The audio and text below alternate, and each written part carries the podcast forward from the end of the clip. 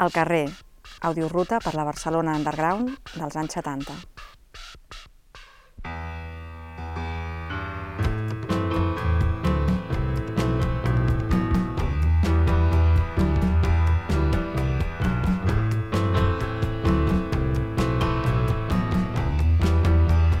Iniciem aquesta audioruta a través de diferents espais que durant els anys 70 van servir de plataforma de trobada, discussió i producció col·lectiva independent.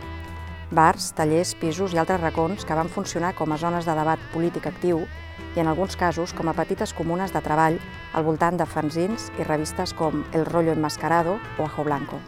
Una història de les experiències llibertàries, homosexuals i underground a la Barcelona del tardofranquisme i la transició transacció, segons l'expressió de Bernat Muniesa, en un moment en què el terme carrer es va viure com un escenari festiu, popular i polític. Per mi són els anys més feliços de la meva vida, del 75 al 80. Armand de Fluvià, fundador del Moviment d'Alliberament Gai d'Espanya. Quan es va morir Franco i, i la gent, bueno, era increïble, la moguda que hi havia a les Rambles, els actes que hi havia, eh, sobretot les jornades llibertàries, el Saló Diana, al Parc Güell, i jo vaig estar a les tres, al Saló Diana, al Parc Güell i a l'Esquirol. Totes les festes, no és com ara que, que semblen uns solins, totes les festes, com que era, jo sóc de la generació del porro, doncs ens empurràvem amb la marihuana i tot acabava follant tothom, era una cosa que increïble, una cosa, un, un esclat després de 43 anys de, de repressió i de franquisme, allò va ser fantàstic. Jo me'n recordo que a les 8 del matí el meu fill em, em desperta, papà Armand, papà Armand, el Franco s'ha mort. Ah, no sé què. Li vaig donar 2.000 peles, eh, dic que per la bona nova em vaig vestir correcuita, me'n vaig anar a l'enciclopèdia catalana, que jo estava des de l'inici fins al final, he fet tota l'enciclopèdia catalana. Tothom estava allà brindant en cava, en fi, després a les Rambles, era una cosa increïble, va ser fantàstic. Després, a partir del 80, ja es va començar a regular totes les coses i va començar i això, però aquests cinc anys era una cosa mm, fantàstica. Aquí en Barcelona hubo... Uh, Nazario, dibujante de cómics y pintor. Una cosa que no se dio en Madrid ya en los años 80, y era que había un comienzo de, de, cosas que se estaban más o menos inventando en el resto de, de Europa, podía ser el movimiento feminista, podía ser el movimiento homosexual, podían ser movimientos ecologistas, que ya en los 80 ya estaba dado. Pero aquí veníamos un poco, eh, yo pienso que lo más interesante de los 70 aquí en Barcelona, a nuestro nivel, fue que, que, el 68, el mayo del 68 francés había sido hace, hacía cuatro, cinco, tres o dos años. Y el movimiento hippie también eh, tenía en Barcelona un centro, por cuanto Barcelona era el sitio de paso para ir a, a Formentera o a Ibiza. Entonces todo el mundo que iba a Formentera o Ibiza pasaba por, por, por Barcelona y era un centro de, de reunión y de influencia de, de todo esto. ¿no? Se hace una, en una revista del ayuntamiento, se llama Vivir en Barcelona o algo así, hacen una, una relación de libros, mmm, crónicas de la ciudad, desde los siglos no sé cuántos hasta la actualidad, con tres o cuatro autoridades en, el cronismo ciudadano. Inexplicablemente mi libro no, no, aparece, ni mi libro este la Barcelona 70, ni Plaza Real Safari, que es un libro también bastante, eh, un poco íntimo, pero de, de un espacio ciudadano que, que es muy definido como puede ser la Plaza Real. Esto me da que sospechar de que a alguien pues, no le interesa el libro, no le gusta, no le, no, no le ve valor o el valor que le ve no le interesa. Es un valor un poco que no, no cuadra con, con, el esquema de valores que tiene, eh, llámalo el poder o llámalo el, el catalán de pro, entre comillas. Esto puede ser un indicio, pero el que no se haya hecho ninguna exposición en, en Barcelona sobre los años 70, cuando un ayuntamiento de, de, de derechas descarado, como puede ser el de Madrid, Uh, hicieron una exposición, triple exposición, año pasado, hace dos años, sobre la movida madrileña, que fue una movida a la que se apuntó el Tierno Galván, un, un izquierdista. Uh, esto no deja de ser curioso. Que aquí nadie haya mm, preparado una, una exposición tan rica como podía ser en material, porque yo hice una mini exposición cuando hice mi, mi, antológica en la Virreina, y entonces pues se podía, hay material para usar, carteles, eh, publicaciones, eh, revistas, eh, toda una riqueza de, que hubo en, en, aquellos años aquí. Entonces esto, esto de que no se haga una exposición también parece muy sintomático de que, de que por qué esta época no interesa, que de pronto estos años 70 pues, caen en manos del movimiento libertario a nivel de autogestiones, con el, cine del Diana, con la Copla Venus, con, la, con las jornadas libertarias. Eh, todo aquello pues, dio una marcha a la ciudad y un internacionalismo a la ciudad eh, de la que no fueron participantes ni los socialistas ni los comunistas.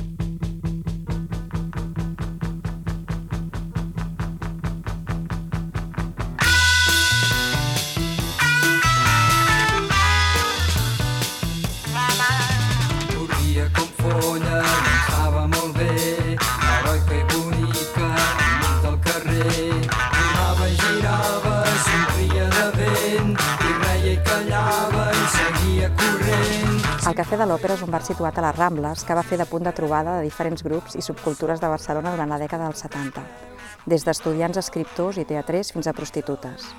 És precisament el Cafè de l'Òpera on Ocanya, un pintor sevillà travestí aficionat al teatre, coneix el Camilo i, posteriorment, el Nazario. Una de les imatges més significatives dels exteriors del Cafè de l'Òpera durant aquells anys era la d'Ocanya, vestit d'àngel, pintant alegrement al vell mig de les Rambles. El 1979, la seva terrassa també va ser l'escenari de l'arrest d'Ocanya i Nazario per escàndol públic.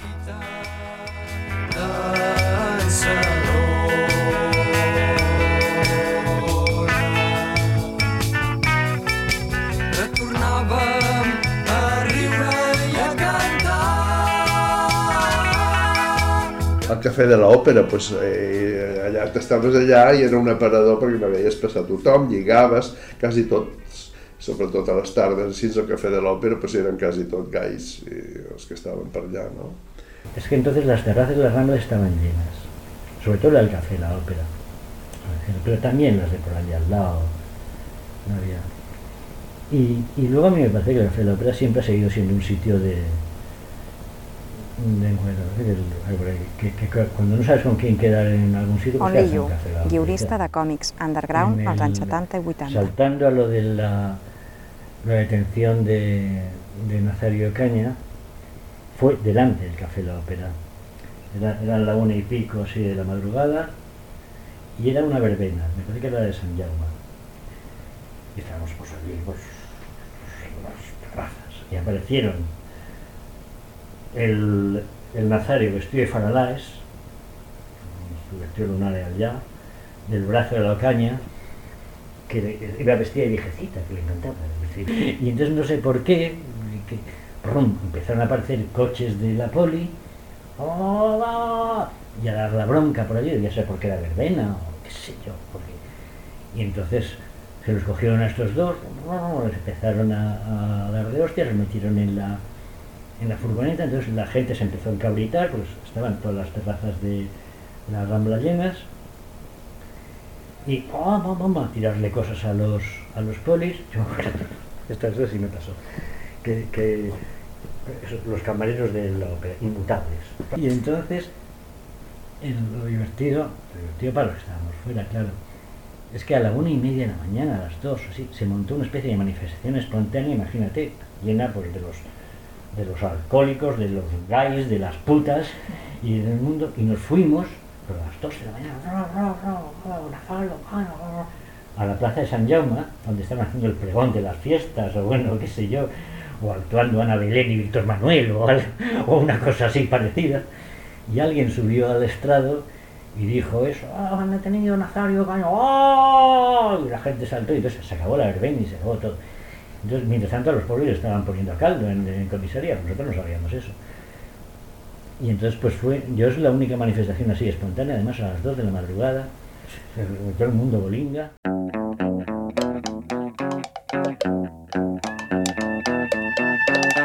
El rotllo enmascarado va ser un dels còmics més primerencs i significatius de la dècada.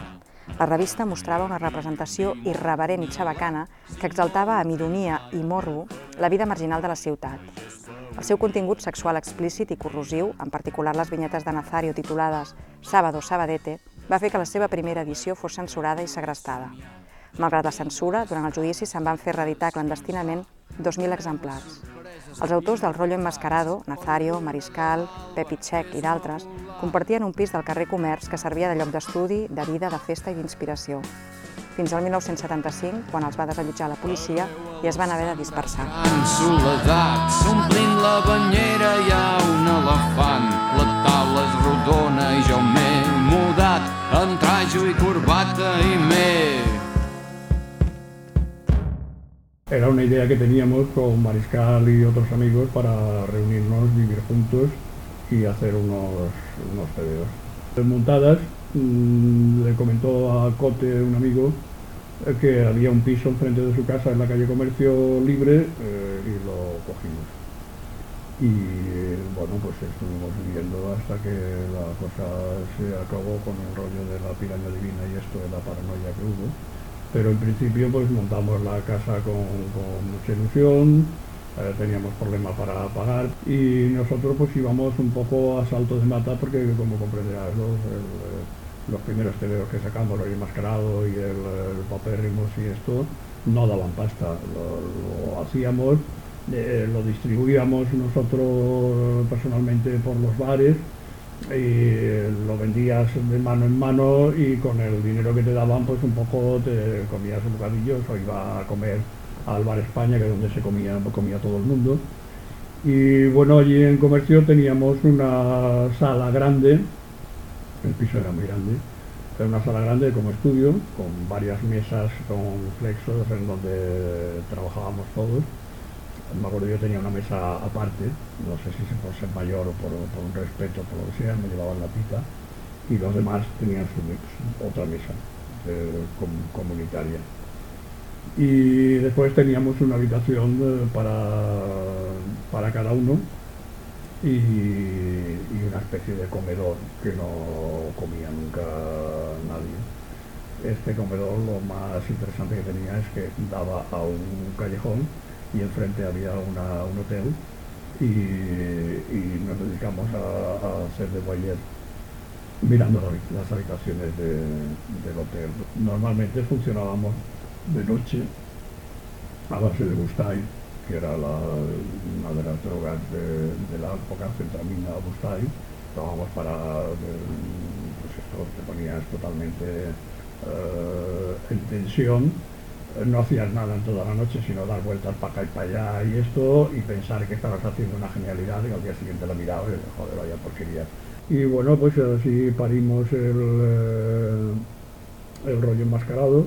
Yo no tuve que parir mucho, ya tenía las historias, ya las traía de Salvador Sabete, ya las traía hecha desde Sevilla. Yo desde Sevilla traía una carpeta grande con bastante obra. Y lo que hice pues es colocar en el rollo enmascarado casi como obra más importante lo de Salvador Sabadete. Salió, lo secuestraron, el Farriol, que era el que más solvencia tenía por tener un trabajo, era el que se responsabilizó de, registrar el título y esto y lo tenían en su casa y la, la policía se lo, lo, secuestró, lo presentó, hicimos otra tirada y estuvimos vendiendo la, la, otra tirada. Luego ganamos el secuestro y seguimos vendiendo el, original. Y ya pues fueron saliendo más, más tebeos, como esto que te digo, el, el, el Paupérrimus, y el Catalina todo eran tebeos muy pobres de, producción porque no teníamos un duro. Un primo de Montesol que estudiaba ingeniero eh, me dijo que por qué no que podíamos hacer estas historias mm, en un tebeo y hacerla en siglo en vietnamita, en una especie de antigua fotocopiadora. Y lo hicimos y se llamó La Piraña Divina, eran como unas páginas pegadas, grapadas, y la estuvimos vendiendo por aquí por allá. Entonces consiguió, re, reunió todas las, historias esas en, un panfleto, un cómic, una piraña divina, y entonces bueno, sin divertirse, igualmente lo secuestraron y entonces ya la policía se dio hartar, no sé qué pasó, que entró a saco en, la calle Comercio, debe ser pues en 70 y, cuándo se murió Franco, 75 por ahí, y los tuvieron que salir cada uno por su cuenta, porque bueno, les habían pillado, vaya. Entonces Nazario volvió a Sevilla, eh, Xavi Mariscal a Valencia y, y el calle comercio se acabó así prum, abruptamente por la invasión de la policía.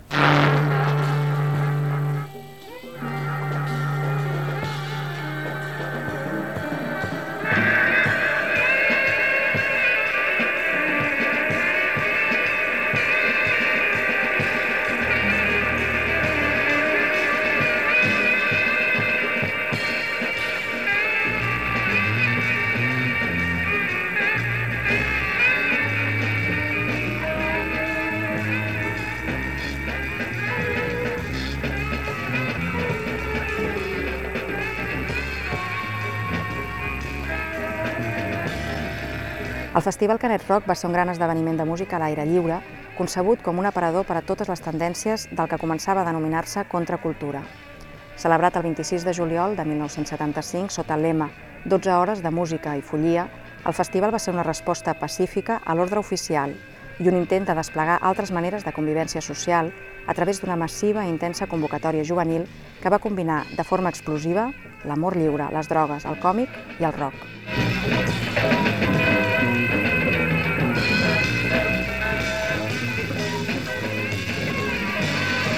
Al Canet Rock doncs, hi anàvem cada any amb una tenda de campanya, els del FAC, anàvem allà i bueno, era una nit increïble, entre entre els porros, cardant tothom per allà, en fi, era un, un, un show.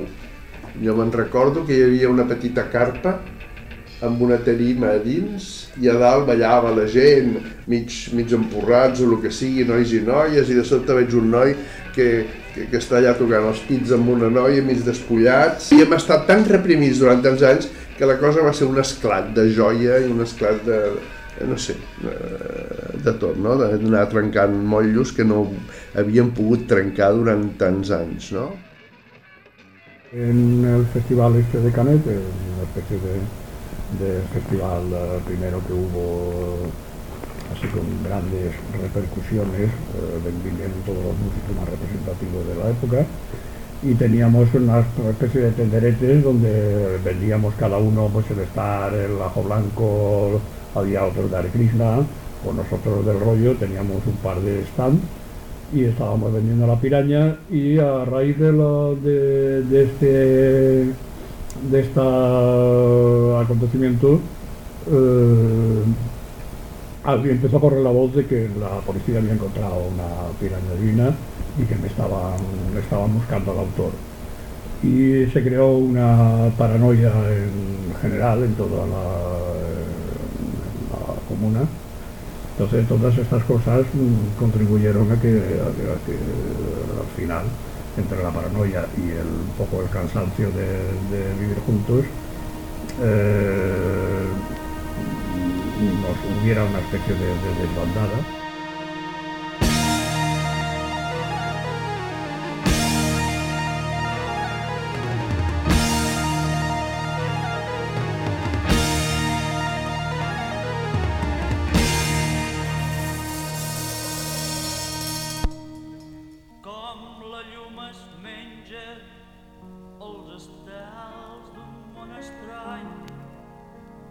Tot i que la seva repercussió en el circuit oficial de l'art va ser limitada, durant el seu únic any d'existència, la galeria Mec Mec va acollir algunes propostes estètiques molt impactants i mai del tot ben enteses, com ara l'exuberant instal·lació de pintures i verges de paper d'Ocanya, que va incloure balls populars, degustació de gaspatxo i la visita de les prostitutes dels voltants, o bé l'exposició Gran Hotel de Mariscal, que va convertir literalment la sala en la recepció d'un hotel.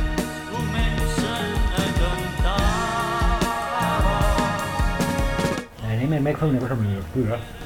Se organizó aquí también en la calle Sonadors, justo al lado del Pla de la Garza, que es el portal siguiente, que eran unos, unas caballerizas antiguas, palacio de estos, pues tenían las caballerizas abajo, Y entonces nada, lo único que hizo fue pintarlas un poco y hacer de eso una, una sala de exposiciones. Y entonces yo las dos exposiciones que más recuerdo, bueno, las únicas que recuerdo, no sé si hizo más, supongo que sí, pero una del Mariscal y una de Ocaña.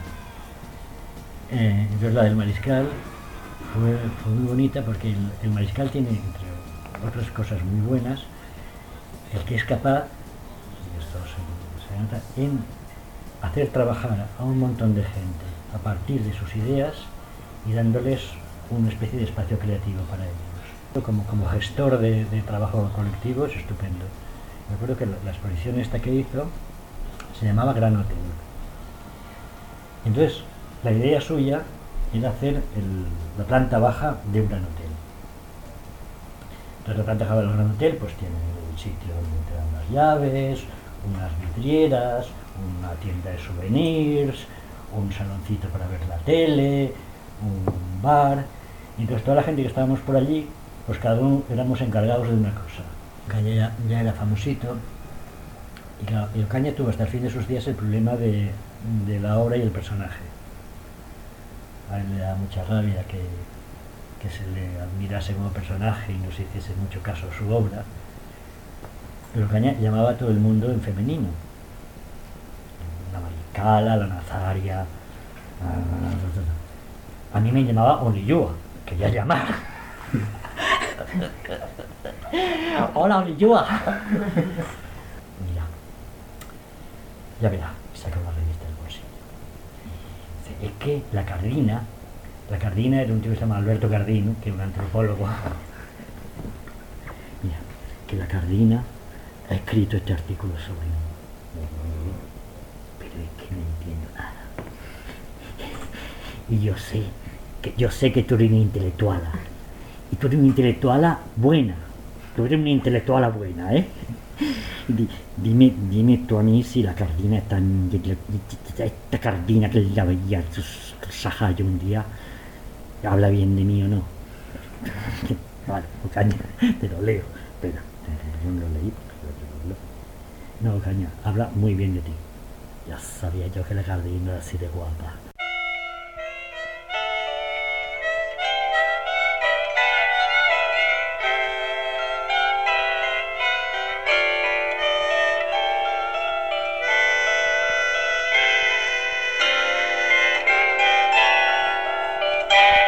1975, poc després de la mort de Franco, es funda el Front d'Alliberament Gai de Catalunya, legalitzat el 15 de juliol de 1980.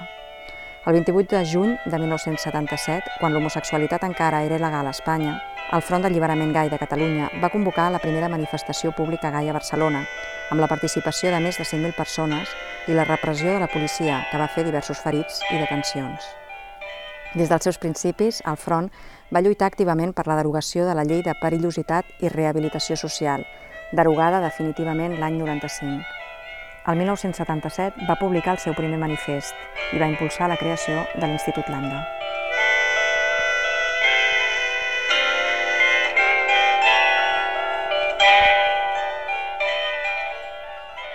I el FAC jo crec que va ser el, el, el col·lectiu més important de tot l'Estat perquè és el que va tenir més força, eh, va tenir més gent i va, va, va, va arribar a formar part del teixit social de Barcelona amb les feministes, els ecologistes, els gais, ja no se'n prescindia, ja, ja era una cosa pues, que i els diaris ens feien, sortíem contínuament. 77, per exemple, un document mo- molt important que vam fer, eh, el manifest del FAC, que jo crec que encara té la seva importància, perquè a més a més jo crec que és un, un document unitari i el document més unitari que es pot dir que hi ha hagut a l'estat espanyol, perquè en el FAC hi havia gent, des d'anarquistes, eh, comunistes, trotskistes, stalinistes, maoistes, etc., socialistes, independentistes,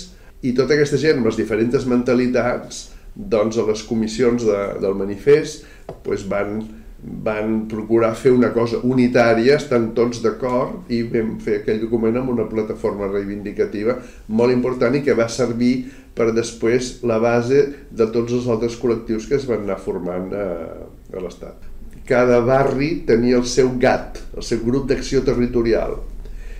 I en els barris anàvem a les associacions de veïns i dèiem, bueno, aquí teniu una vocalia, jo per exemple la meva, la de l'esquerra de l'Eixample, aquí teniu la vocalia de dones, teniu la vocalia de joves, nosaltres som els maricons del barri, doncs volem tenir la, la vocalia de gais.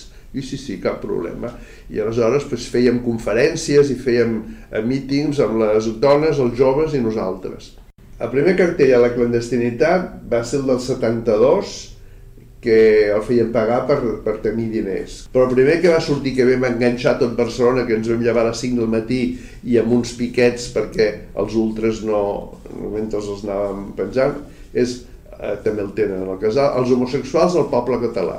I va ser en català i en castellà el vam fer. I aquest va ser el primer que, que va sortir. La primera campanya que va fer el FAC va ser per la derogació o l'abolició de la llei de prioritat social. Aquesta va ser la primera campanya que vam fer, manifestacions o el que sigui, va ser aquesta. Ho vam aconseguir el desembre del 78. I la segona campanya va ser per la legalització de tots els col·lectius de gais i lesbianes. I això ho vam aconseguir el 80 sempre, i en el FAC va ser un debat que vam fer i vam dir eh, Jornada Internacional de l'Alliberament de Gais i Lesbianes. Mm. Era això. Però res del Pride, orgullosos i tot això, pues no, però ha quedat, i comercialment pues, el Pride, el Pride, el Pride, ja, ja ha quedat això. Però jo sempre he lluitat perquè hi hagi do, dos vessants, la reivindicativa i la festiva.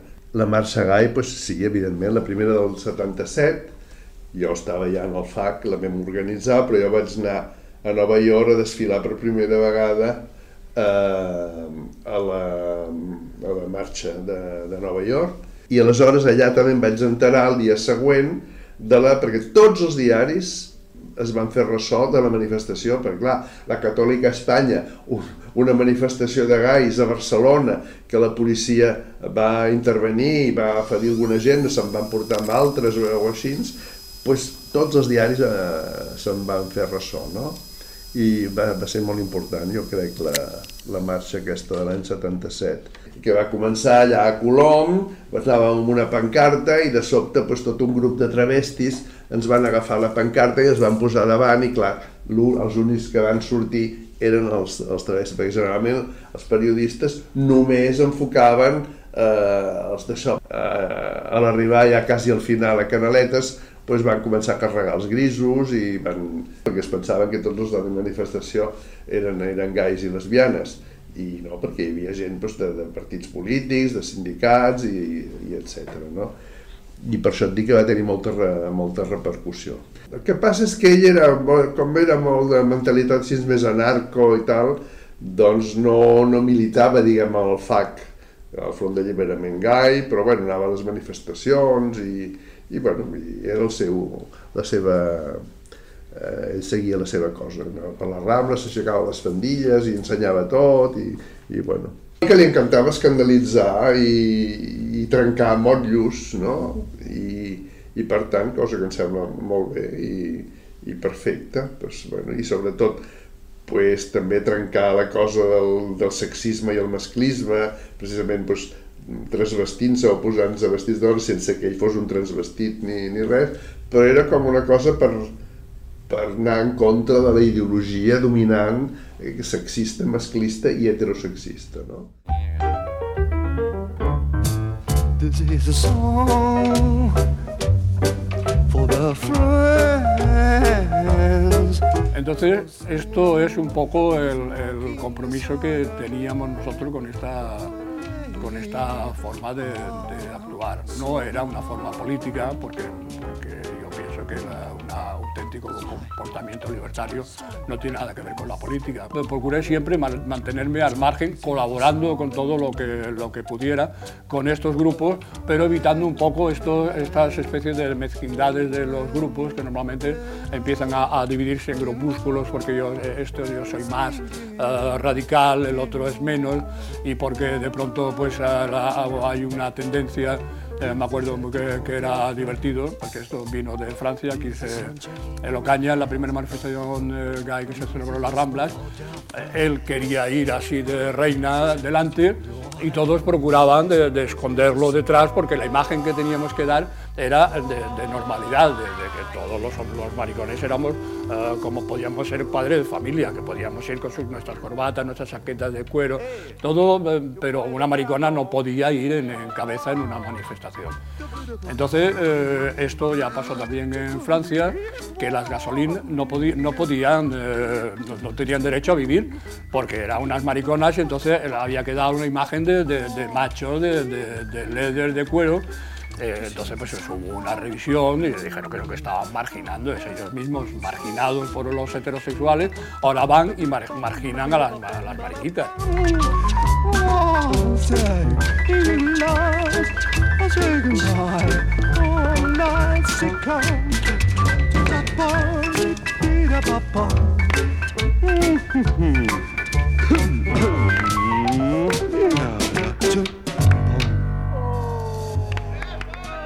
El Saló Diana era un espai autogestionat pertanyent a l'Assemblea de Treballadors de l'Espectacle.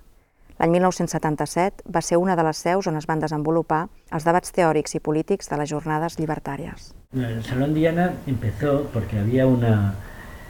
Los actores y toda esta gente, como siempre han sido muy, eso, muy, muy actores, muy characheros, eh, se inventaron un- una especie de, bueno, de sindicato majara.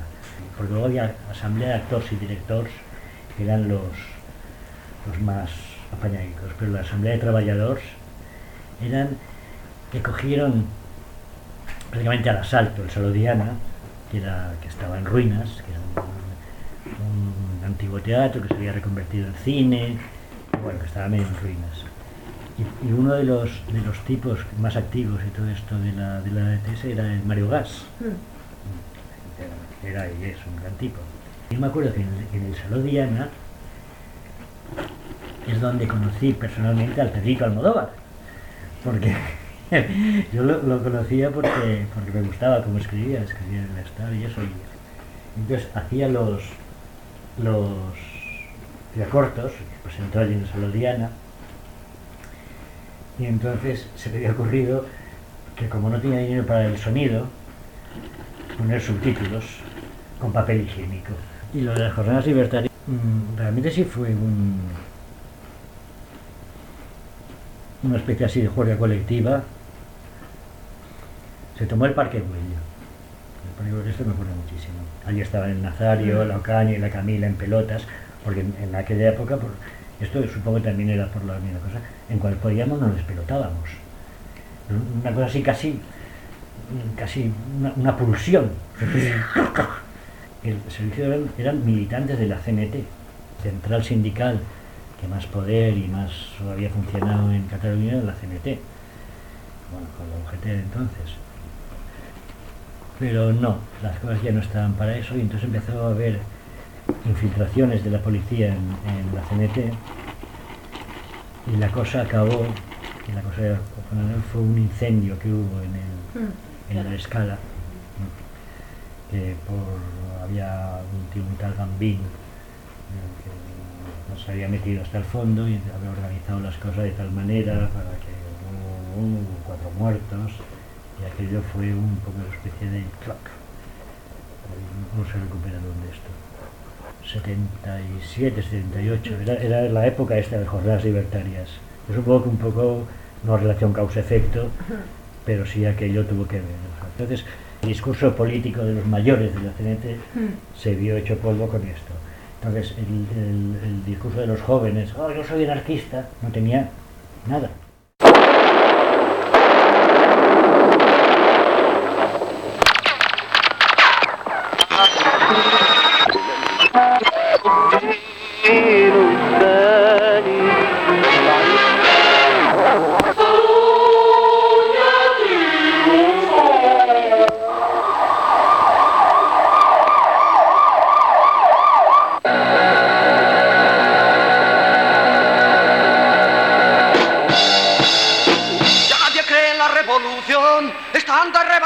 Corte inglés.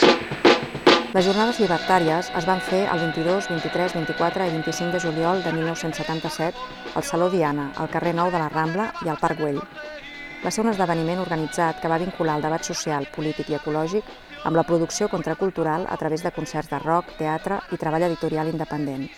El col·lectiu de la revista Jo Blanco es va encarregar d'editar el pamflet periodístic Barcelona Libertària, mentre que el col·lectiu Vídeo Nou va enregistrar les discussions polítiques anarquistes i els esdeveniments principals, que van comptar amb la participació de nombrosos activistes, intel·lectuals, cineastes i músics nacionals i internacionals. Les jornades llibertàries es van presentar en ple procés polític postfranquista com una crítica contra el capitalisme globalitzant, però també contra certes formes de socialisme autoritari. Bueno, todas las jornadas libertarias esto sí que estuve bastante metido, porque esto se montaba Guasc, en el, fotògraf, arquitecte i membre de Videonou als 70. Sánchez de la Pau en el, en el local del, de la CNT de espectáculos. Entonces nosotros decidimos montarlo del vídeo, se montó un escenario y como que había jornadas, en el, por la mañana venían al Salón Diana, había meetings toda la mañana ya pegando el rollo. Uno de los que vino fue el Convendit, Luis, este extranjero Luis Andresedo, después venían los del norte, nosotros, está, era- compañeros. Era bastante fuerte hasta que un día entró esto, duró como tres días, total, tres o cuatro días, un día entró la poli allá pegando hostias. Bueno, entonces rodaba- nosotros rodábamos por la mañana lo que había allí, nos íbamos al Parque Güell, teníamos una mesa de editaje, unas televisiones colgadas, pero televisiones normales, eran, no había monitores, televisiones, había un cable de antena colgadas de los arcos, y entonces pasábamos esto por la tarde. Ah, La gente se sentaba allá y veía lo que había pasado por la mañana. Y después por la noche nos íbamos al escenario y grabábamos. Pero claro, fue mucho desmadre aquello, fue fuerte. Después había el amigo con el que yo tenía el piso de blanquería, Manuel Pichuán, que es ecólogo y tal. Este estaba, había un colectivo de ecología, Tara, y que tenía una revista Alfalfa, también en la época de Bajo Blanco.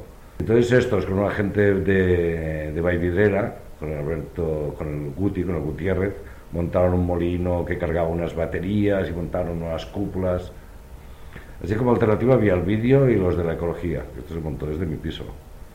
Y después por la noche había esto, el escenario y bueno, caña para en pelotas. Bueno, claro, cuando venían los de la CNT, los mayores se quedaron, hubo mucho lío después. Y bueno, los otros siguieron. Pero al mismo tiempo fue bastante. La CNT entonces ya fue perdiendo, porque ya vino la libertad. La CNT ya no pintaba demasiado, ya no se apuntaba todo este lío. Hay un anarquismo que es. que bueno, debe tener sus normas políticas y sus historias, que va contra la sociedad, que es el anarquista, la CNT. Y después hay el anarquismo de calle, que es ir contra todo. Hay una cosa que es ir contra la sociedad, y contra la derecha, y contra la izquierda, y se, la anarquía, pero la anarquía de pensar. Si eras anarquista de CNT, tenías tu mujer y tu historia, ¿no? Follando por ahí. Gays no creo que hubiesen tampoco. Y porros ya eran, las drogas eran... Hay una cosa, la libertad hasta cierto punto, la libertad muy consciente. En cambio, drogas, hostia, esto, ya, esto más que anarquismo es pasarse. Follar con quien sea, esto es pasarse, ser gay es pasarse. Y allá todo, allá fue totalmente la anarquía, el Parque Güell. Todo el Parque Güell, anarquía total, tres días. Lleno, lleno a tope. Claro, pero no era con ninguna normativa, con ningunos principios. Fue duro, para algunos de la CNT fue duro.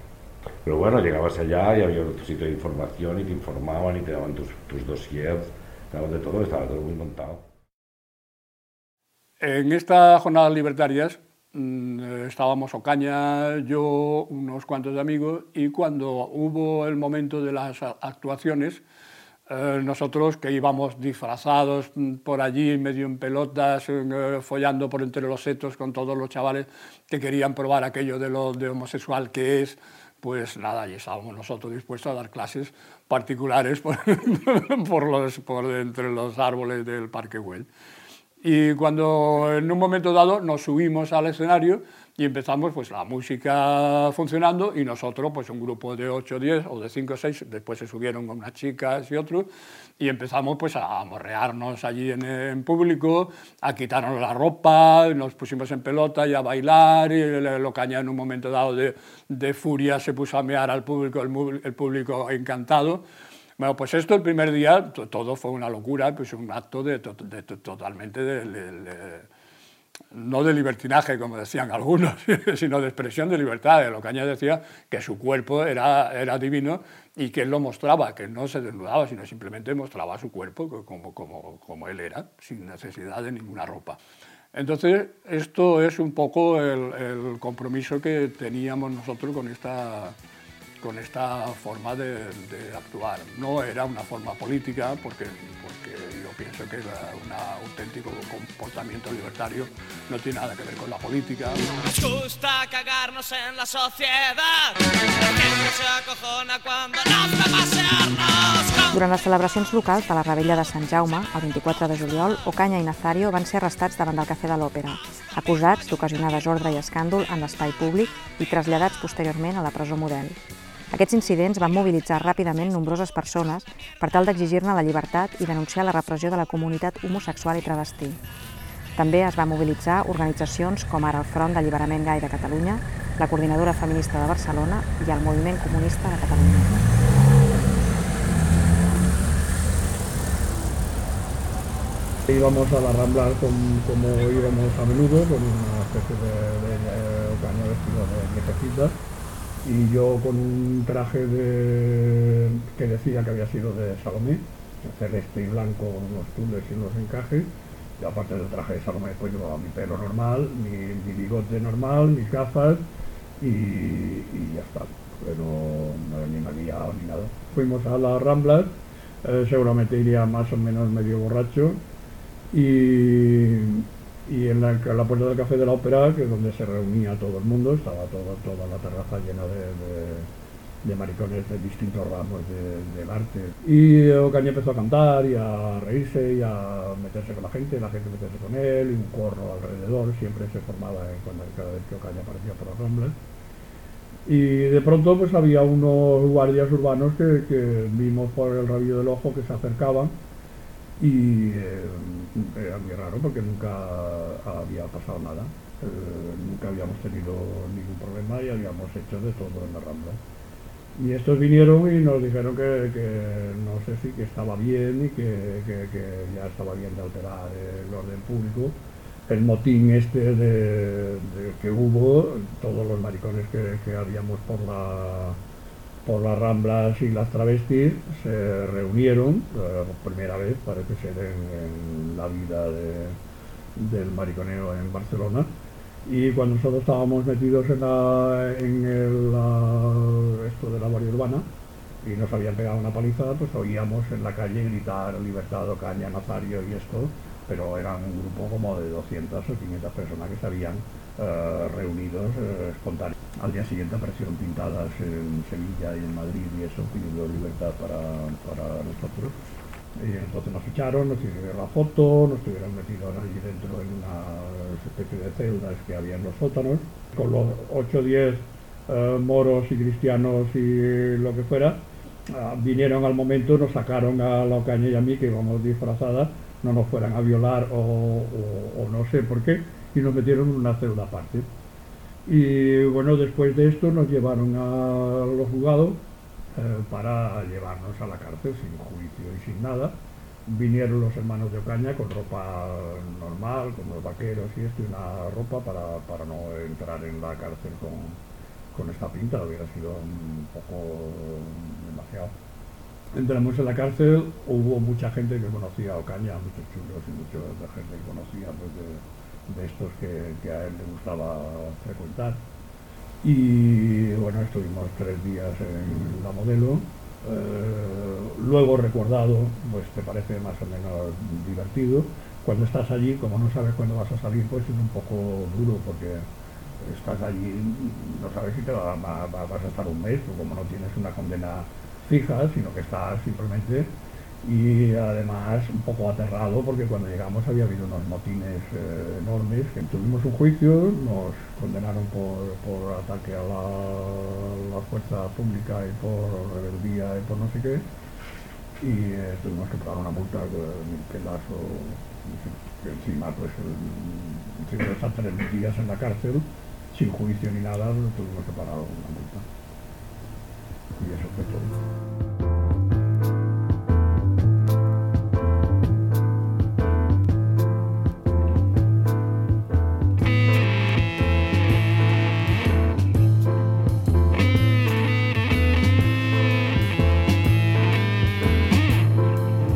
El Víbora va néixer l'any 1979, a instàncies de l'editor Josep Maria Berenguer, per tal de satisfer la demanda dels lectors de les antigues publicacions underground de mitjans dels anys 70, com ara El rollo enmascarado, Star, Ozono o El equipo Botifarra, ja desaparegudes.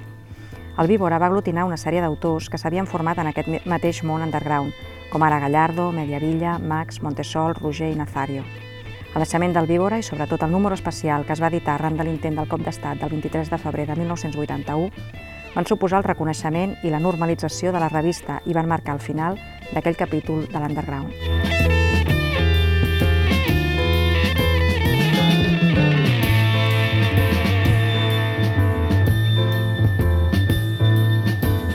De Estado, yo estaba en un pueblecito en a lo de Vic. Entonces bajé corriendo por la mañana a la- a la región del Víbora. Tenemos que hacer una cosa así, en plan salvaje, rápida, rápida, rápida, rápida. Y, en- y entonces empezamos a llamar a todo el mundo, diciendo, "Ah, haz lo que queráis, mandad cualquier tontería, cualquier chorrada. A gente vasca, a gente de Estados Unidos, a franceses, aquí, mandad, mandad, lo, primero que se ocurra con, con, con alguien que sea lo más bestia posible. Y entonces, entonces les llevamos a los de imprenta también, que también estaban acojonados, claro, y todo el mundo estaba acojonado. Eso tuvo como consecuencia de que mientras la intelectualidad andaba, uy, uy, uy, hay que estar calladitos, los, burros estos que iban de, de, porritos y, eh, y no se enteraban de nada, habíamos sacado esto al cabo de una semana o días. Y entonces esto, curiosamente, hizo aumentar el prestigio de, de toda la panda esta de una manera así. Entonces a partir de ahí empezó el boom del víbora hasta, hasta el punto en que se convirtió casi como un punto de referencia en la cultura de los años 80, 80 y tantos y eso. Y entonces, claro, entonces ahí sí que se, que se acabó el underground por una, una serie de circunstancias que incluso nos superaron cuando, cuando el libro al cabo de unos años dejó de tener gracia la cosa de la transgresión y todo eso y, y dejó de tener gracia y dejó de y se acabó el boom del cómic de los 80 pues se acabó. No, no- tenía tanto que ver con nuestra gracia haciendo historias como con estar en el momento justo en el gran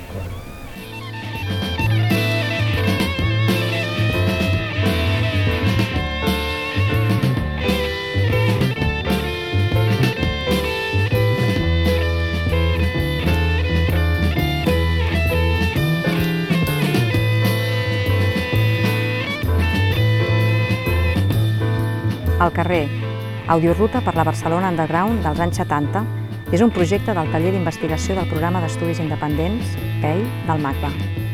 Més informació, peligrosidadsocial.com.